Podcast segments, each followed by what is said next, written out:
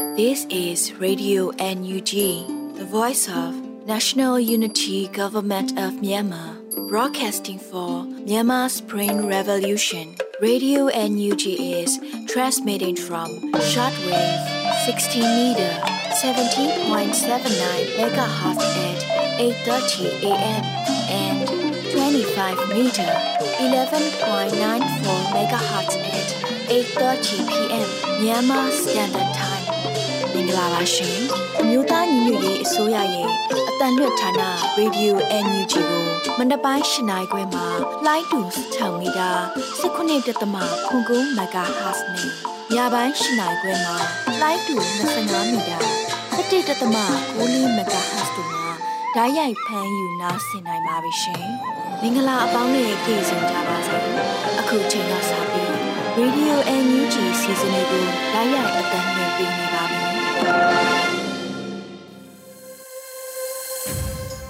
ရေဒီယို NUG သောတာရှင်ပေါင်းနဲ့မြန်မာနိုင်ငံသူနိုင်ငံသားအပေါင်းတို့တဘာဝပြီးဆရာနာရှင်ဘေးတို့ကနေကင်းဝေးပြီးကိုစိတ်နှပြကျမ်းမာချမ်းသာလို့ဘေးကင်းလုံခြုံကြပါစေလို့ရေဒီယို NUG ဝိုင်းတော်သားတွေကဆုတောင်းမြတ်တာပို့သလာရပါတယ်ရှင်။ဒီကနေ့2023ခုနှစ်ဇူလိုင်လ14ရက်နေ့ရေဒီယို NUG ညပိုင်းအစီအစဉ်လေးကိုစတင်ထုတ်လွှင့်ပေးပါတော့မယ်။ပထမအဦးဆုံးအနေနဲ့ပြည်တွင်းသတင်းတွေကိုຫນွေဦးမွန်ကဖတ်ကြားတင်ပြပေးမှာဖြစ်ပါတယ်ရှင်။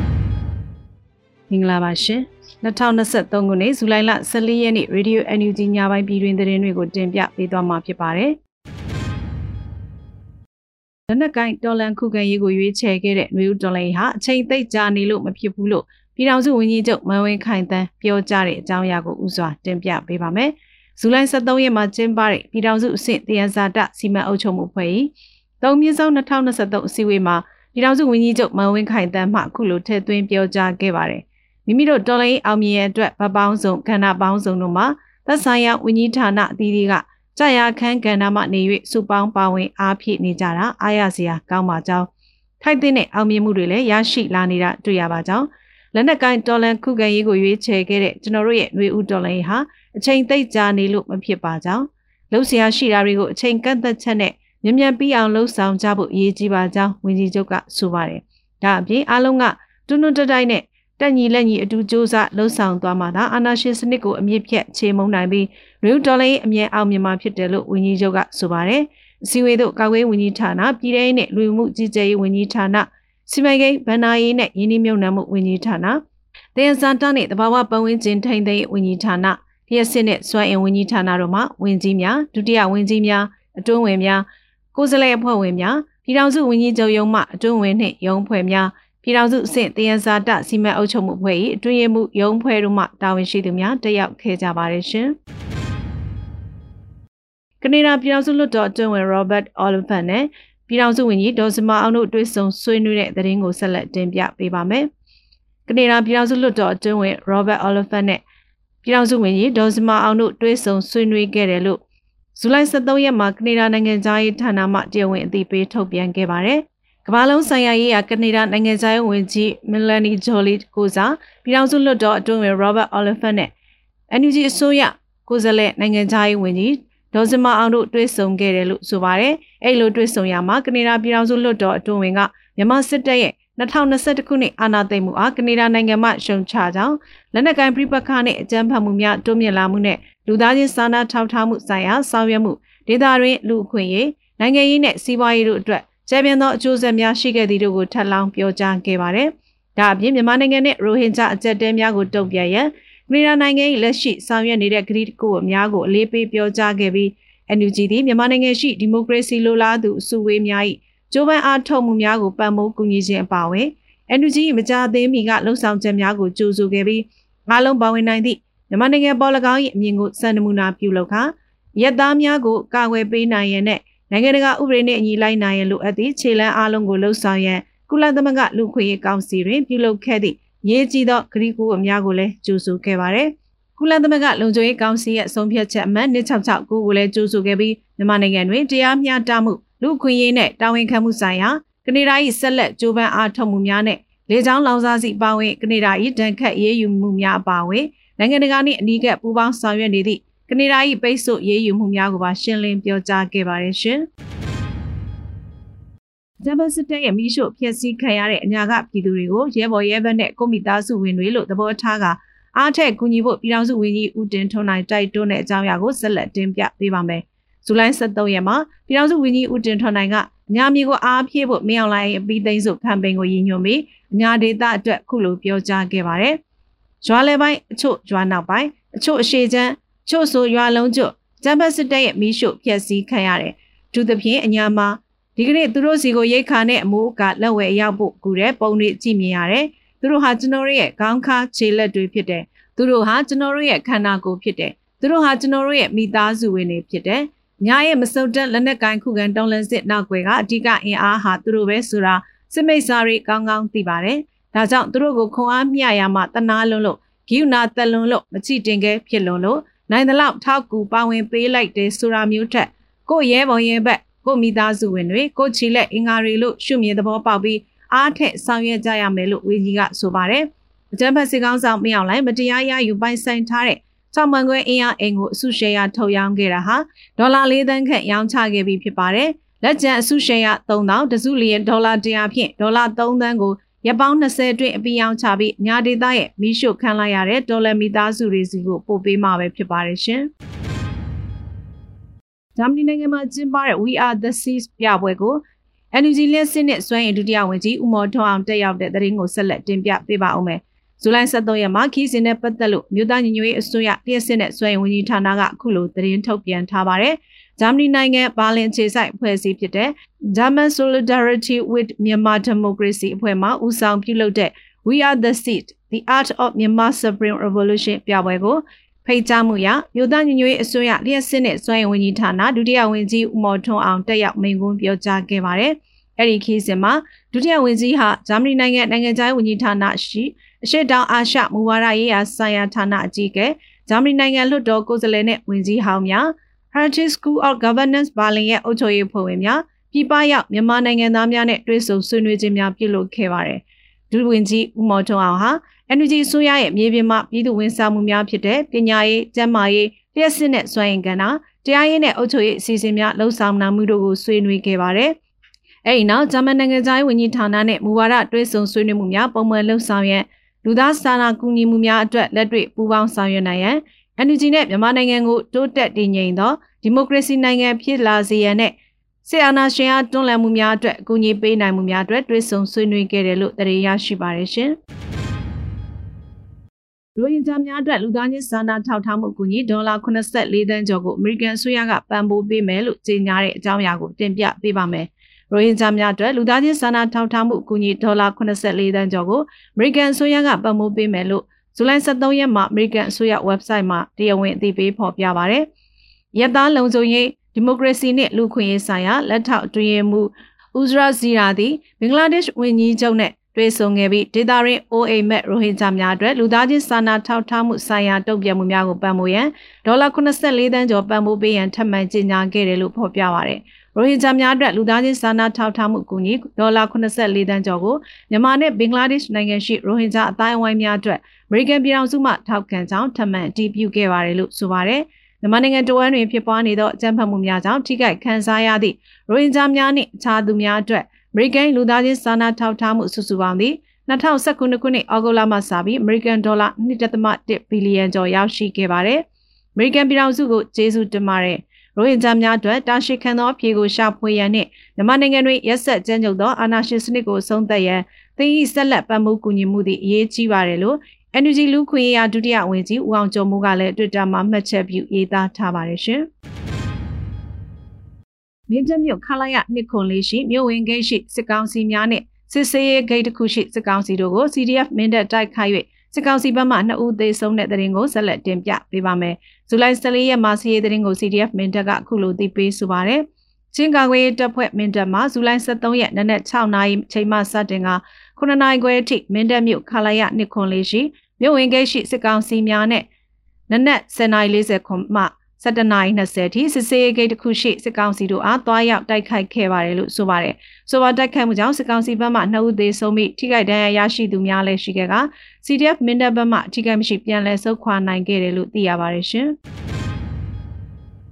ဝန်ရီမြို့နယ်မြို့လေကောင်မှနှစ်အုပ်ချုပ်ရေးမှုရုံနဲ့မိပွိုင်အနီးတွင်သတင်းနဲ့စုံစမ်းရေးရဲအုပ်တနက်နဲ့ပြစ်ခတ်ခဲ့ရပြီးသေဆုံးတဲ့သတင်းကိုတင်ပြပေးပါအောင်မယ်။ဇူလိုင်23ရက်မှာမိထီလာခန့်ဝမ်တွင်းမြို့နယ်မြို့လဲကောင်အမှတ်နှစ်အုပ်ချုပ်ရေးမှူးရုံးနဲ့မိပွိုင်အနီတွင်အထူးသတင်းနှင့်စုံစမ်းရေးရဲအုပ်သိန်းစော်မိုးနှစ်ပွင့် ဝမ်တွင်းမြို့နယ်တွင်အကြီးဆုံး SP ကိုကြီးနှတောင်သွင်း၍ WDRF Wandering Township Revolution Force မှပြစ်ခတ်ခဲ့တယ်လို့ဆိုပါတယ်။ဆိုပါပြစ်ခတ်မှုကြောင့်အထူးသတင်းနဲ့စုံစမ်းရေးရဲအုပ်မှသေဆုံးခဲ့ပါတယ်။ပြည်သူများအသွားလာနေထိုင်ကြဆိုင်ကြဖို့လဲ WDRF အဖွဲ့မှမြစ်တာရက်ခံထားပါတယ်ရှင်။ခုတင်ပြခဲ့တဲ့သတင်းတွေကို Radio Energy သတင်းတောက်မင်းတီဟန်ကပေးပို့ထားတာဖြစ်ပါတယ်ရှင်။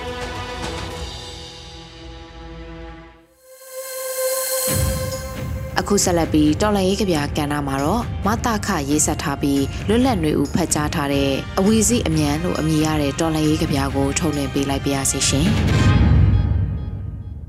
အဝီစီအမြန်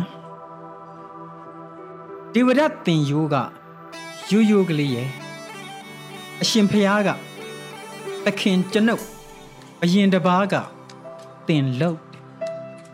ဒီလိုနဲ့ ရာဇကြိုရဲ့ခြာလပတ်ရန်တရားမှာအစာတသက်လမ်းမှားခဲ့ပါပေါ့တင်္ကာယနာကိုအပြန်တရာတင်လဲငရဲတို့ဆိုမှငရဲပဲတဲ့ဝေဘာရတောင်ရန်နာမှာယထာထွက်ရန်9မိနစ်အဝီစိအလံနဲ့အုပ်အောဆွဲလိုက်တဲ့အတန်ကြီးဟာတန်တရာအဆက်ဆက် နားကွဲထွက်အောင်ညံလို့ဖြတ်မရတဲ့အမားတွေနဲ့အစာတသက်လက်ပြလို့သွားပုံကတန်စကားပဲတားတယ်ထင်ခဲ့တာတကယ်တော့တတန်တရာလုံးချားတဲ့ခရီးစဉ်မတခါ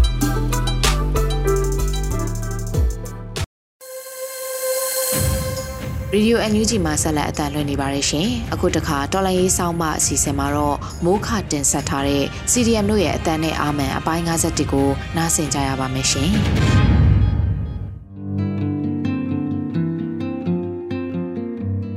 အားလုံးပဲမင်္ဂလာပါ ကျွန်တော်တို့အခုဒီရက်ပိုင်းမှာတော့နိုင်ငံရေးနဲ့ပတ်သက်ပြီးတော့ထူးခြားတဲ့သတင်းတွေတော့ရှိတယ်ပေါ့နော်ပြည်တွင်းမှာဆိုလို့ရှိရင်ထိုင်းနိုင်ငံသားရေးဝန်ကြီးနဲ့ဒေါ်အောင်ဆန်းစုကြည်နဲ့တွေ့ဆုံခဲ့တယ်ဆိုတဲ့သတင်းပေါ့နော်အဲ့ဒီသတင်းကမှန်မှန်မှန်ဆိုတာအတိအကျဘယ်သူမှမပြောနိုင်ပေမဲ့စစ်ကောင်စီဘက်ကနေပြီးတော့မှဒီသတင်းကို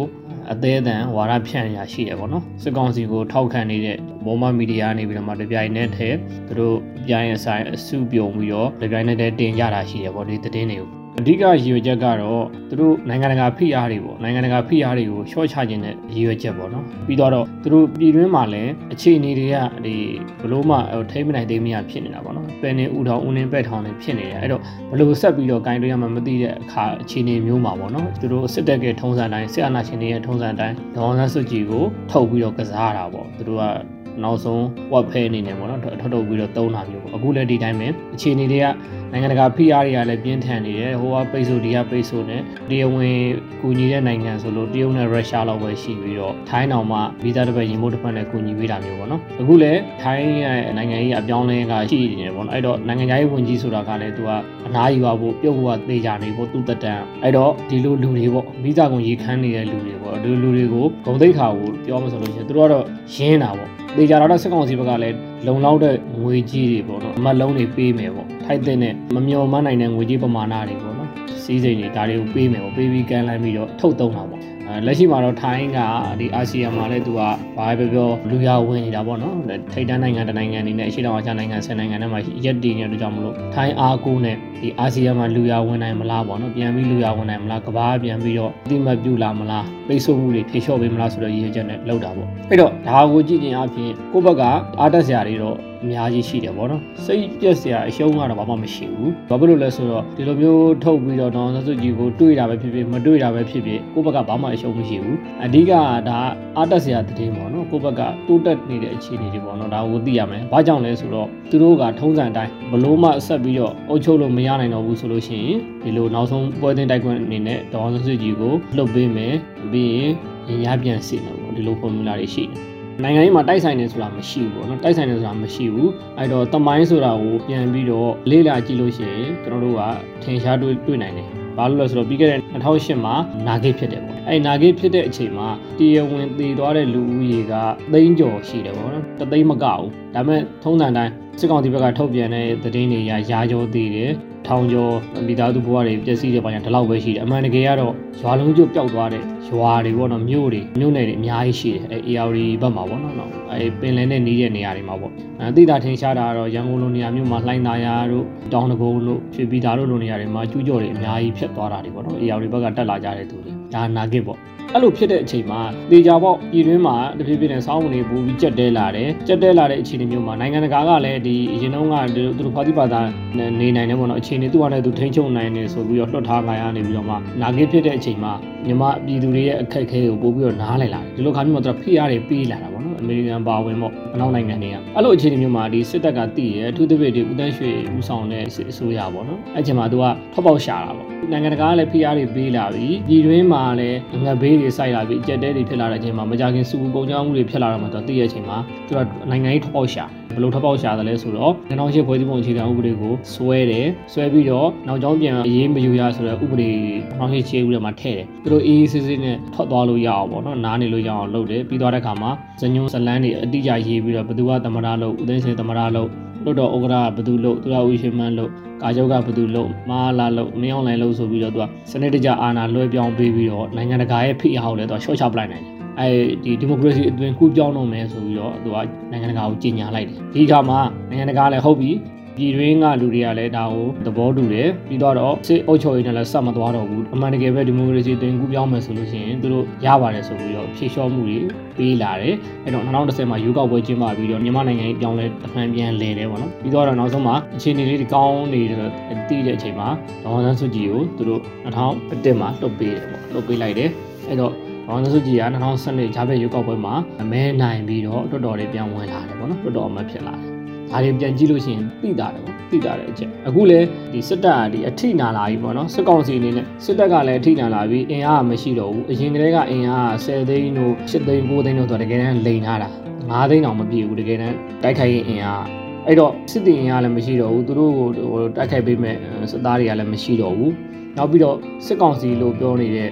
ဒီအုတ်ချိုရေးရန်တွေရတယ်ပေါ့နော်အကုန်လုံးအုတ်ချိုရေးပညာတွေအကုန်လုံးသူတို့ run ပေးနေတဲ့တောက်တိုင်တွေအကုန်လုံးတစ်ဖြည်းဖြည်းနဲ့ပြိုလဲနေကြပြီပေါ့နော်သူတို့ဘာဆက်လို့လောက်မှမသိဘူးအစကတည်းကပြည်သူတော်လှန်ရေးကိုထောက်ခံတဲ့ပြည်သူနဲ့စစ်အာဏာရှင်စနစ်စစ်ကောင်စီကိုထောက်ခံတဲ့ဘောမနဲ့ကလူချင်းကလည်းတူတာမဟုတ်ဘူးပေါ့နော် ဒီဘက်မှာကိုယ့်ဘက်မှာဘလူလူတွေရှိလဲဆိုတော့ဒီဘဝတွေအသက်တွေစတေးပြီးတော့နိုင်ငံအတွက်ကိုလုံနေကြတဲ့သူတွေဟိုဘက်မှာကသူတို့ကိုထောက်ခံတယ်ဆိုတာကစစ်ကောင်စီကိုထောက်ခံတယ်စစ်တပ်ကိုထောက်ခံတယ်ဆိုတာကခြောင်သမားတွေကများတယ်ပေါ့နော်ဘာသာရေးမိုင်းနေမိနေတဲ့လူမျိုးရေးမိုင်းနေမိနေတဲ့ခက်ညံ့ညံ့လူရန်စားညံရင်နေလူရန်စားရယ်နောက်ကိုကျိုးစည်းဝါးကိုပဲကြည့်တယ်ကိုကျိုးစည်းဝါးပဲနားလေတယ် ဟိုပြောမှဆိုအောက်တန်းစားပေါ့နော်အစင်တန်းနှိမ့်ကြတဲ့သူတွေပေါ့ညဉ့်ညံတော့ကောင်းတယ်ဒါပေမဲ့စိတ်တက်မကောင်းတဲ့အချောင်သမားပေါ့နော်အချောင်သမားနဲ့အဲ့တော့ကြက်မပြည့်တဲ့သူနဲ့ညံရင်မမီတဲ့သူနဲ့အချောင်သမားနဲ့ဆိုတော့သူ့မှာလည်းထိထိရောက်ဘာမှအားကိုးစရာမရှိဘူးပေါ့သူတို့ထောက်ခံနေတော့အဲ့တော့မားလာတဲ့တည်တယ်ဒီလိုအခြေအနေတွေကြောင့်သူကထောက်ပေါက်ကိုအသေးစိတ်ရှာလာတာပေါ့ဒေါ်နန်းစုကြည်ကိုဒီနာမည်နဲ့ပုံရိပ်ကိုတုံးပြီးတော့နိုင်ငံက PR တွေဖြေလျှော့ဖို့လုပ်တယ်ပြည်တွင်းကပြည်သူတွေကိုအာရုံပြောင်းဖို့လုပ်တာမျိုးရှိတယ်ပေါ့အဲ့တော့ကျွန်တော်တို့အနေနဲ့ကတော့ဝမ်းသာအားတက်စရာတွေပဲ အဲမြင်တွေ့ကြားနေရတာပေါ့နော်စီးရပဲဖြစ်ဖြစ်အခုလက်ရှိနိုင်ငံရေးရပဲပေါ့အဲ့တော့ကိုလုံးစရာရှိရတယ်ကိုလုံးနေဖို့တော့လိုတယ်ဒီလိုအခြေအနေအထိရောက်လာတယ်ဆိုတာကကျွန်တော်တို့ကိုစွမ်းနိုင်တဲ့လောက်ပေါ့နော်ကိုတက်နိုင်တဲ့ခန္ဓာကနေပြီးတော့မှဒီဇိုင်းမမှန်နဲ့ပါဝင်နေတဲ့ပြည်သူတွေကြောင့်ဖြစ်တယ်။ဂျားနေလူရန်သားတွေကြောင့်မဟုတ်ဘူး။ဒေါ်လာရေးကိုခုလုံးလုပ်ပြီးတော့လှုပ်ချောင်ဆောင်နေတဲ့သူတွေကြောင့်မဟုတ်ဘူးဆိုတာလေးတော့ပြောချင်တယ်အဲ့တော့ဘာမှစိတ်တကြစရာမလိုဘူးကျွန်တော်တို့လုပ်ကြရှိတာတွေကိုအာကျုံမန်တန်နဲ့ပုံမှန်တိုင်းလေးလုပ်သွားကြမယ်။ဒီတော့ဘုံမိုးချအောင်ရ ပြီ။ Radio NUG ကိုနားတော်တာဆင်နေကြတဲ့ပရိသတ်ပေါင်းလို့ရှင်ဒီနေ့ညရဲ့နောက်ဆုံးအစီအစဉ်အဖြစ်နဲ့တယောစာကဏ္ဍမှာတော့အောင်းနေမျိုးတင်ဆက်ထားတဲ့တက်ပြတ်သွားပြီးဖိုးတက်ပုရေလို့အမည်ရတဲ့တယောစာအပိုင်းတစ်ကိုနားဆင်ကြရမှာပဲဖြစ်ပါတယ်ရှင်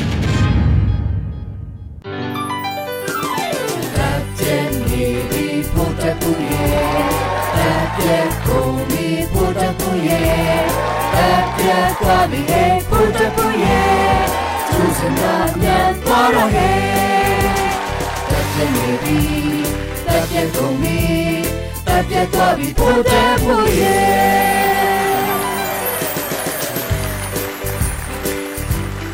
ချစ်မိတ်ဆွေပေါင်းရစ်တာလောင်းပန်းပေါင်းဝေစာတွေမျိုးတွေမို့လို့တို့တွေအတီးပေးပြခြင်းလေ ဗျာဘုရဘူးချင်းဆိုးတယောက်ကတက်ပြက်လူလူတယ်မကတော့တက်ကပြက်ကိုပြက်နေပြီဖြစ်တဲ့အတွက်တက်ပြက်နေပြီဖိုးတက်ပူဆိုပြီးတော့ခေါင်းစဉ်မှာပြောင်းပုံစံအသစ်လောင်းထည့်လိုက်ရတယ်ရန်တုံမှန်းလုပ်ပြီးတော့တေရောပြော့ပြော့ခေါ်တော့တော့နဲ့မပြောတော့ဘူးတက်ကပြက်နေပြီအကြောင်းတက်သေးပေါင်းစုံလင်စွာနဲ့ပြောပြမယ်ဗျာတက်ကပြက်လိုက်ပုံများအရင်လိုတယောက်ချင်းပြေးကြတာမဟုတ်တော့ဘူးပြက်ပြေးနေကြတာများစခန်းပြစ်ပြီးတော့အဖွဲလိုက်ကိုပြေးနေကြပြီအခုဆိုလို့ရှိရင်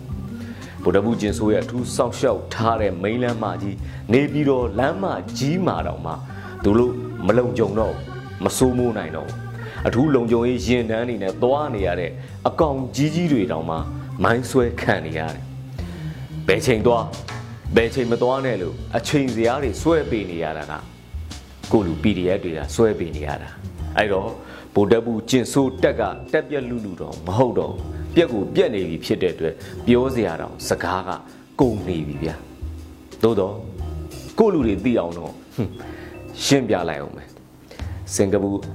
MAI place လိုက်ရတဲ့အကြောင်းတွေကအစပြုပြီးဖြစ်စဉ်အစုစုကိုရှင်းပြမယ်ဗျာပထမဦးဆုံးဗိုလ်တပ်ဘူးကျင်ဆိုးအတွက်တက်ပြက်စေမဲ့သွေးပြက်စေမဲ့အကြောင်းကိုအရင်စပြောမယ်ဗျာ Spring Deployment Ban STB တဲ့ FDB MICB Megan Sanction ထိသွားပြီတဲ့ Spring ဆိုတဲ့အတန်ကြားယုံတဲ့ဗိုလ်တပ်ဘူးကျင်ဆိုးခင်ဗျာမှာတော့အလိုလိုရှိသမျှအပေါက်တွေအကုန်ရှုံသွားကုန်တော့တာပဲတကယ်တော့ Spring Deployment Ban STB ဆိုတာကဗိုလ်တပ်ဘူးကျင်ဆိုးတေချာနားမလဲဘူး Spring ကိုတော့သူသိပါတယ်ຫນွေဦးတော်လန်ရေးဆိုပြီးထချကြတယ်ခုတော့သူ့တက်လဲရဲရဲပဲကြံတော့တယ်ဟန်ကိုကိုနေတာနေနေရတာတကယ်တော့တက်ကပြက်နေ ဒါတော့မှသူတို့ကနှစ်နှစ်အတွင်းပဲရှိသေးတယ်နောက်ထပ်တော့ဗိုလ်တပ်ဘူးကျင်ဆိုးအတွက်တော့စက်မတွေးရစရာပဲပေါ့ဗျာဘန်ဆိုတာကတော့ဘန်ပေါ့ဗျာဘန်နဲ့ဆိုင်နာဆိုတော့ဟိုတုံးကြော်မှာတာတာဆာကိုစင့်ခေါ်ပေါ့တာတာဆာဆိုတာကဘိုးဘန်ငှက်ဥခရဆိုပေမဲ့ရှေ့ဆောင်နွားအူများကထုံလုံးမနိုင်တော့လို့မဝင်ထမ်းခဲ့ရတယ်သူတာတာဆာဆိုတာနဲ့တန်းမြင်ပေါ့ဗျာတန်းတန်းဆွေးပေါ့တခါတည်းတော့လည်းမဟီရီကိုဖြည့်ညှိရတာလည်းပြောစရာပေါ့ တွက်ဆတာကြည့်ပြီးတော့အဲ့ကောင်မှဌာနတွဲမှာစကလေးကအာချမ်းရှာချမ်းခြုံလုံးတွေကဖားရပြီးတက်တယ်ပါညာလှော်လိုက်လို့ဒီယာတို့ရသွားတာဘာမှတိတိပပလုံးတက်တဲ့သူမဟုတ်ဘူးနူယာဝဲဆွဲဆိုတဲ့ MFTB MICB ကလည်းမေဂန်ဆန်ရှင်တွေထိတက်လာတဲ့ကောလာဟာလာတွေရောင်ရောင်မှုဘလို့ဆိုပြီးတော့ lobby တွေကထဟောင်နေကြသေးတာမြန်မာနိုင်ငံမှာ ဒေါ်လာမသုံးတော့ဘူး BRSC တဲကဝင်လိုက်ပြီး Ruby နဲ့ Yon အဓိကသုံးမယ်တွေဘာတွေထဟောင်းနေဗျာဒေါ်လာမပါတဲ့ငွေကြေးစနစ်ဘာညာပေါ့တကယ်တမ်းတော့ဟိုကောင်တွေကမြန်မာကိုလက်မခံရဘူးဝက်စီပရင်နာကိုကြောက်လို့တကယ်တော့ဒင်းတို့ပါဇက်ကသာဖဲ့ပြဟောင်းပြနေကြတာပြင်မာတော့တွေးရအကွက်လိုက်ကြီးတွေဖြစ်နေကြသလိုပေါ့ထားပါဒေါ်လာမရှိတော့ရင်ရှေးထုံးကိုလည်းမပယ်နဲ့ဆိုသလို FEC ပြန်ထုတ်မှာပေါ့နောက်ကဘန် issue ပြဿနာက STV သူတို့ဘာကြံတွေရှိနေလဲဗုဒ္ဓပုကျင်ဆိုသွေးပြက်လာတာလေရှေးမနောင်မှာပဲနုကြီးကဂျာကာလာဘိုးပန်ထထောင်းတယ်ရှောင်းနယ်ကိုထူးကြံပေးခန့်ပြီးရက်ပိုင်းမှာပဲသိမ့်မကြဘူးဆန်ရှင်ထီတော်တာပဲဗိုလ်တပ်ဘူးကျင်ဆိုးအတွက်ကတော့အကောရီယန်အုံးကျော်တချင်းကြီးထဆူပေးရမလို့ဖြစ်နေတကယ်ကြီးမှတိုက်ဆိုင်နေဆိုတာမရှိဘူးလေတုံးကျော်မရဲ့ပထမဆုံးစကားတစ်ခွန်းကတော့ဗိုလ်တပ်ဘူးကျင်ဆိုးအယုတ်ကျိုးပြက်ကိုလဲကြသွားတာပါတဲ့ ပြည်တွင်းဗန်တွေပြိုလဲသွားနိုင်တဲ့အဘတွေဒါနဲ့ပဲဘိုးဗန်ထိတ်ပိုင်းမှာတေးထားတဲ့ဘောင်းမီချွတ်၄កောင်ကိုခေါ်မေးတော့လဲပြိုလဲသွားရင်ဗန်အစ်စ်တွေထတ်ထုတ်ခိုင်းပေါ့ပါတဲ့အာရှာတနာမေဖလာဝါယူနီဗာဆယ်ဘန်တွေပြိုသွားပြီအဲ့လိုမျိုးပြိုသွားလို့ခရိုနီအစ်စ်တွေကိုမွေးထုတ်ခိုင်းဟန်တူပါတယ် ခင်းနဲ့မတူတော့ကအနီးကြက်တုံး၄កောင်လို့ဤတစ်ပေါက်လောက်ပဲပစိုးဝစ်လိုက်ရတာနဲ့စစ်တပ်ကအခြေအနေကိုလွတ်နေကြဟန်တူပါတယ်ပြည်တွင်းဗန်တထေးတွေလည်းဤလေလေဖြစ်နေကြပြီပေါ့သူတို့ဗန်တွေမှာစုထားတဲ့ပြည်သူတွေကိုစကစကရောင်းရသမျှငွေတိုက်စာချုပ်တွေဝယ်ထုတ်ရတယ်လေစုထားတဲ့လူတွေဝိုင်းထုတ်ကြရင်မခတ်တော့ဘူးလားအာနာသိမ့်ပြီးခါသားတော့ကလည်းဝိုင်းထုတ်ကြလို့ဗန်တွေပြိုမလို့ဖြစ်ခဲ့သေးလားအဘကဲလို့ပေါ့ဒါကြောင့်ငွေတိုက်စာချုပ်တွေဝယ်ပေးပြီးတော့အဘကိုကျေးဇူးဆက်နေကြရတာ လူကြီးဆိုးကလည်းလဲတယ်အာနာသိန်းစစ်ကောင်စီလက်ထက်မှာရောင်းတဲ့ငွေတိုက်စာချုပ်တွေကတရားမဝင်ဘူးအစိုးရအသစ်တက်လာရင်ငါးပြားစီတွန်းတော်မှာပြန်ပေးမှာမဟုတ်ဘူးလို့ထကြေညာထားပြီးသားအဲ့ဒီမှာပဲဤကုန်းရမယ်ဖင်ရှာမယ်စာချုပ်တပွေးတစ်ပိုက်နဲ့ဘန်းတွေဒေဝါတွေခံကြရမှာဟုတ်ပြည်သူတွေမှာလည်းအိမ်မှာတိမ့်ထားရင်ဓမြတိုက်ခံရမှာစိုးလို့ဗန်တွေမှာထည့်ထားရတာမို့ຫນွေဦးဗန်မှာပြောင်းအပ်ကြရင်မခတ်ကြတော့ဘူးလားဒါပေမဲ့ နိုးနေပါဦးပတ်စံအထုတ်လိုက်ဘဲဘန်မှာသွားအံမှန်လဲຫນွေဦးဗန်ရဲ့ငွေတိုက်ကလည်းဘဲမှာတော့ဆိုပြီးဗိုလ်တပ်မှုကျင့်ဆိုးကရွဲပြဲပြီးနှခမ်းကြီးမဲ့မဲ့နဲ့ခေါ်တော့ငော့နေရဲ့ဗျအဲ့ပြုံးကဤတကုံးသားတော့မကြလိုက်ပါဘူးတုံးကြော်မရဲ့နောက်စကားတစ်ခွန်းနဲ့ပဲကြာဆုံးသွားရတော့တာပဲရုံးကန်းဖွင့်စရာမလို digital bank neon bank blockchain technology NFT flat current နဲ့နီးပညာတွေတုံးထားလို့ပတ်စံတွေအထုတ်လိုက်ထုတ်လိုက်ထမ်းပြီးတော့သွားအပ်စရာမလိုတော့ဖုံးမှာ၃កောင်လောက်ကလစ်လိုက်ရုံနဲ့ဒီဘက်ဘန်ကပတ်စံတွေဟိုဘက်ဘန်ကိုအကြလောက်ကနေရောက်သွားတာတဲ့တကဘာလုံးမှာခစ်စားနေတဲ့စိတ်ချတဲ့ဘန်စနစ်ပေါ့ဗျာစင်ကူကို shopping သွားထွက်ရင်လဲဒေါ်လာအုပ်လိုက်ကြီးကင်သွားနေကြမလို့မိကျူလဲဒါတွေသိမယ်မထင်ပါဘူးသူချူလို့တပြားမှမကင်ရတဲ့ဂျမကမင်းအောင်လိုက်ဆိုရင်ပို့ပြီးတော့ဝေးပေါ့ နောက်ပြီးຫນွေဥဘန်ကဗီဇာကတ်တွေကိုလူတိုင်းစိထုတ်ပေးမှနဲ့ free နော်တကယ်ကို free ထုတ်ပေးမှာပြည်တွင်းမှာမှာဗီဇာကတ်တွေထုတ်ပေးတာတွေရက်ထားတာကသူအာနာသိမ့်ပြီးကြတဲ့ရပဲဒါကြောင့်ဗီဇာကတ်တွေမြန်မာနိုင်ငံမှာတော့တထေးတိုင်းကြိုက်တယ်နှင်းစီကိုင်းဖြစ်နေပြီပေါ့ပြည်တွင်းဘဏ်ကမြန်မာကြက်ငွေတွေကိုຫນွေဥဘန်နဲ့လှမ်းထက်ဟောဟိုဘက်ရောက်တော့ USD တွေဝဲဗီဇာကတ်နဲ့ကဘာပတ်ကုန်ကြတော့မှာပေါ့ တာကူတထွေးတွေကစဆရာတာတဲ့နူးဘန်ဘက်ကိုသာကူးတာရင်ပြည်တွင်းဘဏ်တွေမှာအငွေတွေယော့သွားရင်သူရောင်းနေတဲ့ငွေတိုက်စာချုပ်တွေကိုမွေနိုင်တော့ရင်ချင်းကြားတွေအတွက်မတရာရည်သာလာသာလေရင်စီဖို့ဒိုမီနိုအဖက်တွေဘိုးတက်ပူကျင်ဆိုးထဲမှာအစီကြီးကိုပေါ်လာတော့မှာဟွန်းသူတော့ဖះဖះနဲ့တနေရတော့မှာပေါ့ຫນွေဥပံကရွှေစုလို့ရအောင်မယ်ဆိုပဲအရှော့တွေပါစနက်တွေမဖြတ်ပဲ ကမ္ဘာရွှေဈေးပေါက်ဈေးအတိုင်းအယောင်းဝယ်လုပ်လို့ရမှာတယ်ဗျာ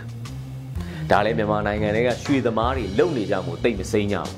နုကြီးဆိုရကရောင်းနေတဲ့ကွန်ဒိုတွေမြေကတ်တွေကိုလည်းနေဥပံကနေတဆင့်ဝယ်လို့ရအောင်မယ်တဲ့လွယ်ချက်ကတော့ဗျာပြည်တွင်းမှန်နေတဲ့လဲငွေထည့်ထားရင်ပလုံဖို့ကလည်းနီးစက်တယ်စိတ်မထင်မထင်သလိုအကောင့်တွေပိတ်ပစ်ခံရတဲ့ရန်ကလည်းကင်းမှန်မှုပြည်သူတွေကတော့ຫນွေဥပံကိုတအားကိုစိတ်အားထက်သန်နေကြတယ် ဗုဒ္ဓဘုကျင်ဆိုးကိုသူ့ကိုယွန်ကြတာလေအဓိကပေါ့ဗျာတုံးကြော်မှာနောက်ဆုံးပြောလိုက်တဲ့အချက်ကဗုဒ္ဓဘုကျင်ဆိုးလုံးဝကျဆုံးသွားတော့တာပဲနယူးဘန်က physical ban လုံးအောင်မှန်နေဗျာ NUG ကိုချစ်တဲ့မြန်မာပြည်သူတွေကိုစာနာတဲ့နိုင်ငံတကာကလာຫນွေဥပန်ကိုဖွင့်ဝင်ပေးလိုက်လို့ရှင်စွိကုတ်ရသွားမှာ ਨੇ အဲ့ဒီအခါမှာပဲနိုင်ငံတကာဘဏ်တွေနဲ့တိုက်ရိုက်ငွေလွှဲတီတီတွေငွေထုတ်လောက်ရင်ပြည်တွင်းဘဏ်တွေရောဘိုးဘဏ်မှာကောက်ပင်ရိတ်လီခံရသလိုအရင်ကပါပြတ်ထွက်သွားမယ်အပါတွေဗျာ ကဲခဲပြောကောင်းကောင်းနဲ့ပြောချလာလိုက်တာຫນွေဥပန်အကြောင်းနီကာချက်အတော်ရှာရှည်မိနေပြီဗျာတက်ပြက်အကြောင်းနောက်များလဲပြောရရင်တော့ပြောမဆုံးမောင်တောသုံးတောင်နဲ့ဇက်တိုက်ကိုပဲပြောနေဦးမယ်ဗျာနေပြီးတော့မြန်လမ်းမကြီးတော်မှညမထွက်ရဖြစ်နေပြီဆိုမှတော့ဘိုးတက်ပူသွားရလမ်းတော့ကတော့လုံခြုံရေးမပေးနိုင်တော့ဘူးဆိုသေးဘူးဟာတက်ပြက်နေပြီကိုဗျအခုဆိုလို့ရှိရင်ဌာနဆိုင်ရာတွေအတွင်းမှာကအကြီးကဲတွေကဘာပြောကြတယ်လဲဆိုတော့ စစ်ကောင်စီတပ်ကငါတို့ကိုအကာအကွယ်မပေးနိုင်တော့ဘူးကိုလွတ်ရလွတ်ကြောင်းတာကြည်ရှောင်ကြပြီတော့ဆိုပြီးပြောလာကြတယ်ငါတို့ရုံးတွေကိုလည်း PDF တွေကဘယ်ချိန်ဝင်သိမ့်မလဲမသိတော့ဘူးသိမ်းကြတော့မယ်ဆိုပြီးတော့စိုးရိမ်တော့ကဗျာပါရတွေများနေကြရတယ်ကဲပြောရင်းနဲ့ထက်ရှာရှည်မိပြန်ပါပြီတက်ပြက်နေတာကတော့ပြောမနေတော့နဲ့အဲ့တော့တက်ပြက်တဲ့အကြောင်းလေးတွေကိုလည်းနောက်ပတ်နောက်ပတ်ဒီမှာလည်းဆက်ပြောပေးဦးမယ်ဗျာအရေးတော်ကောင်ကအောင်ကိုအောင်နေပြီနော် ကိုလူတွေဒီထက်ပိုညီညွတ်ဖို့ပဲလိုတော့တာညီညွတ်မှုနဲ့ရှေ့ဆက်ဟိုတက်ပူတက်ပြက်ငါတို့အတွက်ကတော့အချက်ပဲအရေးတော်ကောင်ကအောင်ရမှာဒီ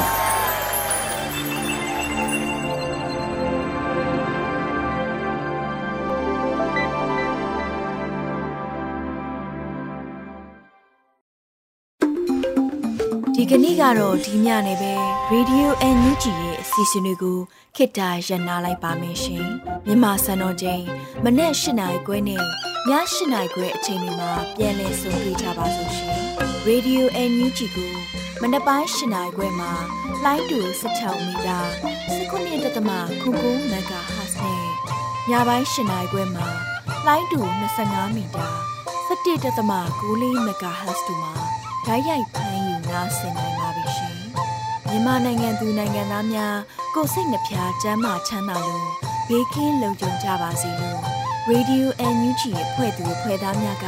ဆုတောင်းလိုက်ရပါတယ်။ San Francisco Bay Area အခြေဆိုင်မြန်မာမိသားစုများနိုင်ငံတကာကစေတနာရှင်များလို့အားပေးကြတဲ့ Radio NUG ဖြစ်ပါတယ်ရှင်။အရေးတော်ပုံအောင်ရမည်။